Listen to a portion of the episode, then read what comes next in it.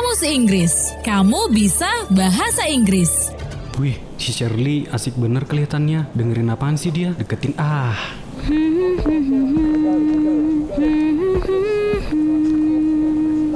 Hey Shirley, Kenapa Jod? kamu lagi denger apa sih? Kok asik banget kelihatannya? Aku denger ini Jod.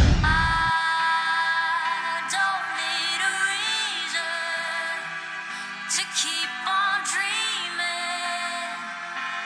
Oh, ini bukannya Niki ya? Penyanyi Indonesia yang masuk label musik luar negeri ya? Iya, enak kan lagunya yang lu sini? Paling enak kalau sendirian dengerin lagu kesukaan kita ya temen Del. Tapi coba denger yang ini deh temen Del.